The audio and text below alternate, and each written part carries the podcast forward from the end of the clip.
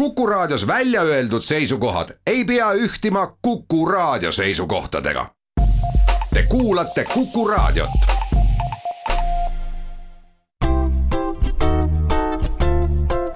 patsiendiminutid, Patsiendiminutid toob teieni Eesti Patsientide Liit tere, head Kuku kuulajad, olen Kadri Tammepuu ja tore on see, et jõulud tulevad taas nädala pärast usinad perenaised koostavad jõulumenüüsid ja arvata on, et sel aastal kogunevad koroona tõttu laua taha väiksemad seltskonnad.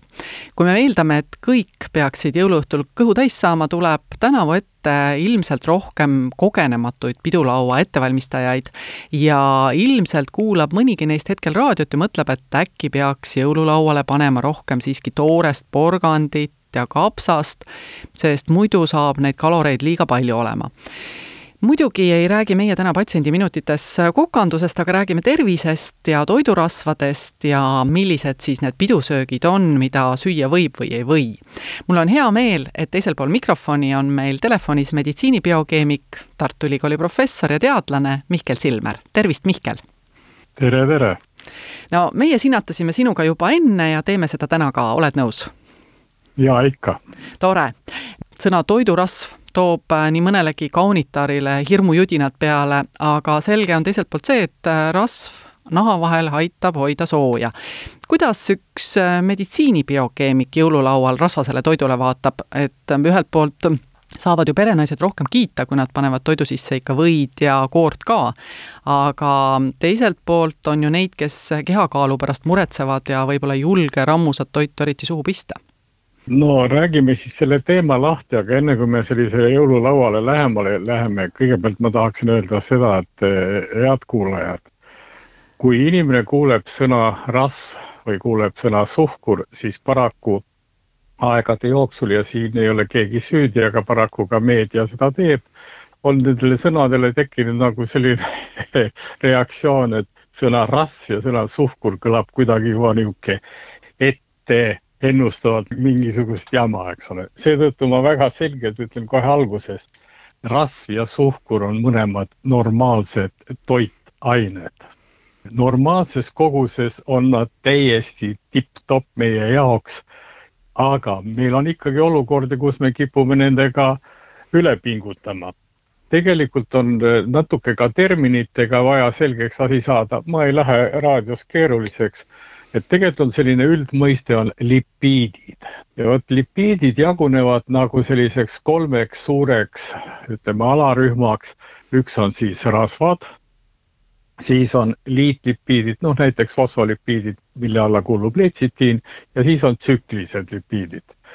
kui me sööme midagi, siis me saame üle üheksakümne protsendi ongi seal rasvad ja seetõttu tihti räägitaksegi ainult rasvad, rasvad, rasvad ja teisi lipiide nagu ei mainita. noh, söömise koha pealt ei olegi seda väga vajalik mainida. kindlasti on järgmine asi, mida tasuks meeles pidada, et sõltumata, kes te olete, millised on teie äh, poliitilised vaated või, või usutunnistus või nii edasi, inimorganismis on rasv täiesti hädavajalik. no ma toon ühe näite. kui võtta aju, inimese aju, siis inimese aju kuivmassist, noh, selline võrdlus alati tuuakse, kui vesi on nagu eh, ütleme, eemale võetud, siis kuivmassist eh, kuuskümmend protsenti on lipiidid, pange tähele, üle poole on lipiidid. see loomulikult ei tähenda seda, et see kõik on rasv, aga ka rasval on seal oma tähtsus. nii et väike lühike kokkuvõte teile väga kiiresti. rasv on täiesti normaalne asi, normaalne toitaine ja kui me saame teda normaalses koguses, siis ei olegi tegelikult probleemi. küll ma tahaks öelda ka veel seda, et vaadake, paljud asjad meie organismis on rasvlahustavad, meile kasulikud. noh, te teate väga hästi, ma ei usu, et on, on olemas enam inimest Eestis, kes ei ole kuulnud vitamiin D3-st ja nota bene, head sõbrad, see on rasvlahustuv, nii et pange tähele, seda ülivajalikku vitamiini teie organism saab kätte toidust, kui ta tuleb koos rasvadega kui me räägime rasvadest nüüd natuke laiemalt tõesti, siis ähm, mida tihti on kuulda, on ka see, et vot loomarasv on paha, kasutage toiduõli. et siis ähm, see mõjub kuidagi tervislikult äh, ja paremini. mida sina selle peale kostad? mina, hea Kadri, ei kosta, vaid ma seletan nii, nagu on. Kui panna laua peale kaks purki ja ühe peal on kirjutatud searasv ja teise purgi peal on noh, kirjutatud õli, taimneõli, siis kõik vaatavad, ohoo, see searasv on kuidagi jah, teistmoodi kui see taimneõli. ja tegelikult ongi selline ettekujutus, et searasvas ongi ainult küllastatud rasvhapped. no kuna küllastatud rasvhapped on tahkemad ja vot selles teises õlis on küllastamata rasvhapped, see on nii-öelda kohe esimene triviaalne arusaamine, mis ei olegi väga vale, aga, aga ta ei ole ka õige. õige ei ole sellepärast, et vaadake, selles samas searasvas on ka küllastamata rasvhappeid. tõsi, seal on küllastatud rasvhappeid rohkem. seetõttu ei ole ka sellega probleeme, et me ei saaks sealt üldse küllastamata rasvhappeid. ma toon teile ühe näite. kui te lähete poodi näiteks ja näete seal riiulite peal sellised äh, õlipudeleid, kus on kirjutatud ekstra leitsi oliivõli, extra virgin oil, siis kõik teavad, et oi, see on pagana hea, hea kraam. ega ta paha pole, see ei ole ka päris nii-öelda ideaalne. aga milles on nüüd küsimus? Kui te jõululaual sööte sada grammi lambaliha, pange tähele, lambaliha, siis te saate saja grammiga kümme grammi oleinapet ehk seda kõige rohkemat rasvhapet, mis on oliivõlis. pange tähele, kümme grammi saate, see on ikka täiesti juba väga hästi toimiv hulk. nii et võttes nüüd selle sinu mõtte, Kadri, niimoodi kokku, tõepoolest ei, ei ole õige öelda, et vot loomne rasv on kuidagi probleemne ja taimne õli ei ole probleemne. küll on õige aga see arusaam, et taimsed õlisid peaks olema mitte hulgaliselt palju, vaid tihedamini kui loomset rasva, siis on asi tasakaalus ja õige. taimne õli, aga pange tähele, sealt me ei saa väga pikki küllastamata rasvhappeid, noh veel täpsemalt polju küllastamata väga pikki rasvhappeid. Neid seal lihtsalt ei ole. see tähendab seda, et meie organism peab nad kas ise valmistama või kusagilt saama. see vähendab tal meeletult vaeva ja nüüd tuleb järgmine jõululauatoit. kui küsida taga, kust me toiduga saame neid väga pikki, see tähendab seda, et me saame juba neid hästi pikki polüküllastatud rasvhappeid, meil ei ole organismis vaja kulutada energiat, materjali ja igasugust kraami selleks, et neid valmistada, vaid nad tulevadki meile toiduga. siis see on kala. Ehk head sõbrad, hea tükk kala jõululaual. Noh, forell, lõhe, heeringas, latikas, rasvasemad kalad eriti on suurepärane materjal, sellepärast et pangem nüüd tähele minu mõttekäiku praegu. Te saate sealt neid pikki rasvapeid, mida te ei saa ühestki taimsest õlist, see ei tähenda, et taimne õli halb on. ja sellega te võtate organismil maha õudselt palju vaeva, et ta ise peaks neid valmistama. peame siinkohal tegema nüüd väikese pausi patsiendiminutid. Patsiendiminutid toob teieni Eesti Patsientide Liit stuudios on Mihkel Silmer ja Kadri Tammepuu. me räägime täna toidurasvadest ja jäime eelmises saate osas pooleli pikkade ahelatega rasvhapete juurde, mida me ei leia taimeõlist, aga mis on kalades. miks need äh, pikkade ahelatega rasvhapped vajalikud on? Need väga pikad rasvhapped, polükülast rasvhapped on ülimalt vajalik kõigeks muuks, aga ekstra vajalik teie ajutööks. nii et kui on tükike kala jõululaual, siis te saate märksa kõvema potentsiaaliga oma ajutegevuse jaoks. ja mis puutub ajutegevusse, siis mina ei kavatse tehisintellekti ehitada, et tehisintellekti ehitajad kogu maailmas on väga tublid inimesed, aga nad ei saa ühest asjast aru küsimus ei ole mitte kontaktide arvukuses, et noh, tekitakse nii, nii võimas süsteem, mis annab rohkem kontakte, noh, kui hästi lihtsalt rääkida, kui näiteks neuronid omavahel.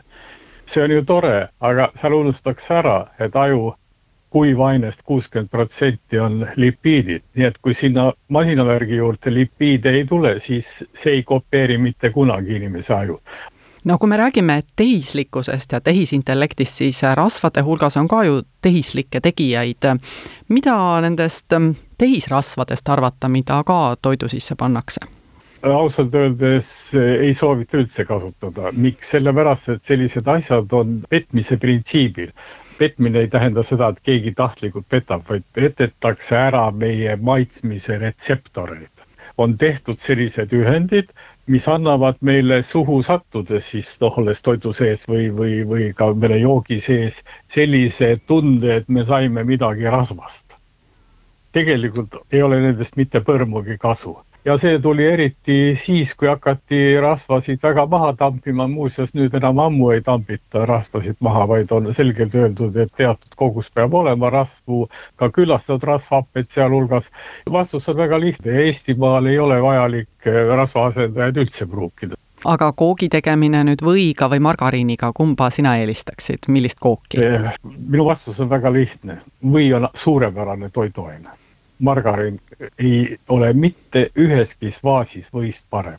kui võtta koogi tegemine või ka midagi praadimine, siis või on rohkesti küllastatud rasvhappeid. eks seal peab olema ju kaheksakümmend kaks protsenti rasva.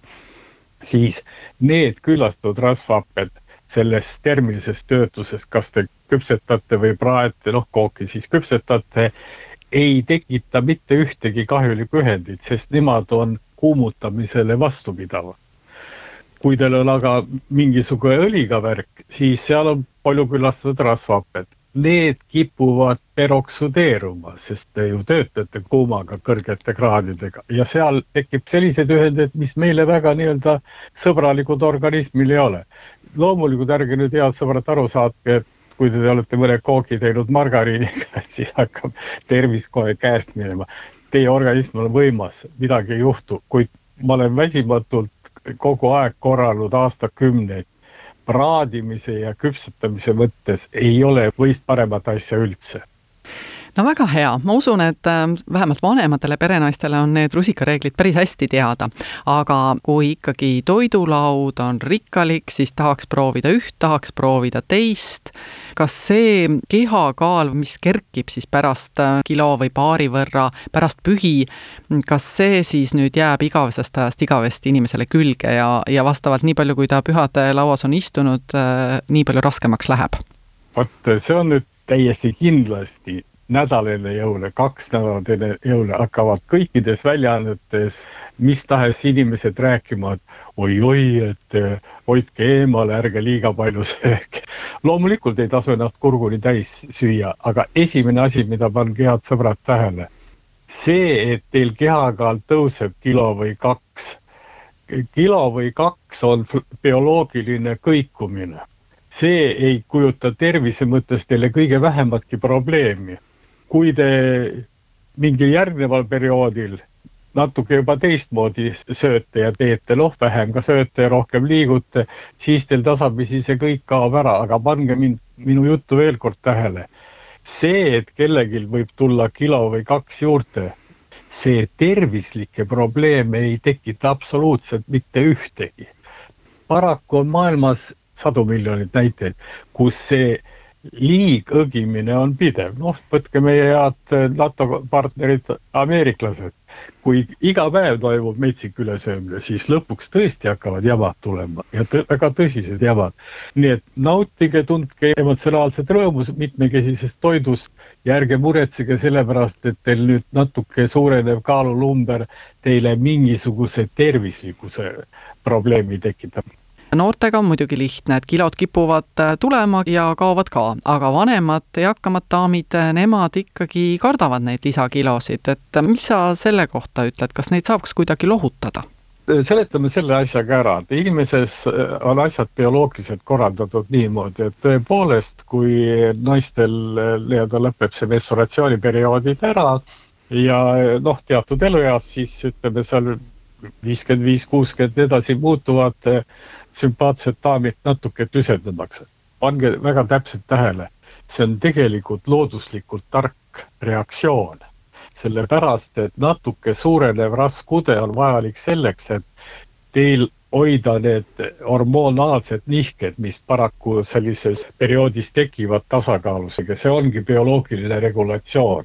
kuna rasvkoerakud hakkavad tootma ka vastavaid hormoone rohkem, oleks paigas.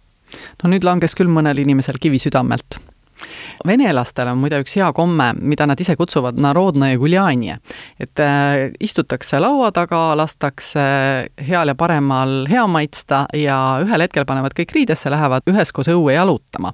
kõndimine ühtepidi aitab seda pingetunnet kõhus kohe kiiresti leevendada, aga mis sina sellest kombest arvad, kas jalutamine peale sööki tasuks ära? Absoluutselt õige komme ja ma arvan, et see ei ole mitte ainult vene rahvusele iseloomulik, Venemaale ma eriti mõtlen. Teil on suurepärane võimalus nüüd eh, väljas liikuda, sellepärast et paraku on tekkinud olukord, maailmas on selline olukord, meil on koroonaviirus, head sõbrad, käige väljas ja jalutage, väljas ei ole teil viirusega üldse mingisugust probleemi, noh, kui te ei lähe inimmassi. see kuldne reegel ei kao maailmast kuhugile, et kui te ikka päeva jooksul teete kümme tuhat sammu, siis te olete teinud väga tugeva panuse, et teie organismile sellised füüsilised impulsid anda selleks, et tervis oleks võimalikult vastupidav jamadele. mida parem on teie verevarustus, kui veri jõuab kohale, mis on liikumise efekt igale poole, teie isiklik veri jõuab igale poole kohale, siis pange tähele, teie isikliku vere kohalejõudmine igasse kanti, kuhu ta meie organismis jõuab, on parim vahend teie tervise jaoks üldse no väga põnev, aga kui nüüd õue minna, siis järgmine küsimus on inimestel see, et äh, mida selga panna. ja tuleb välja, et äh, sina oskad juba detsembri keskel ennustada, et milline tuleb eelolev talv. nüüd, kui me vaatame kalendrisse, siis kuu keskpaik on murtud. ütle siis kuulajale, et kas eelootavad talvekuud, kaasa arvatud siis aastavahetus, äh, tulevad krõbedad või vesised? kunagi üks üle kolmekümne aasta tagasi märkasin ma ühte seaduspärasust, mida ma praegu ei räägi, seda me räägime Kadri, eks ole, märtsis, kui inimesed saavad veenduda, kas, kas minu jutt on nüüd õige. ja see seaduspärasus võimaldab tõesti ära öelda talve külmuse.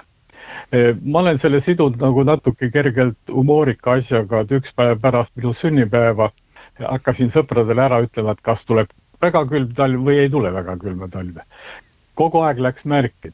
aga kuna meil jutuks läks, siis ma võin väga selgelt öelda, et väga külma talve ei tule. talv tuleb põhimõtteliselt natuke külmem kui eelmine talv. ma tuletan meelde, eelmine talv oli suhteliselt vesine aga Excel on nüüd, äh, Mihkel, välja käidud, et märtsis äh, sa tuled, vaatame siis tagasi sellele ennustusele ja kas läks täppi või ei läinud olge tublid, häid jõule teile ja sööge normaalselt. suur aitäh, Mihkel, sulle ka häid jõule. häid jõule ka kuulajatele, püsigem terved, mina olin Kadri Tammepuu ja kuulmiseni taas nädala pärast. patsiendiminutid. patsiendiminutid toob teieni Eesti Patsientide Liit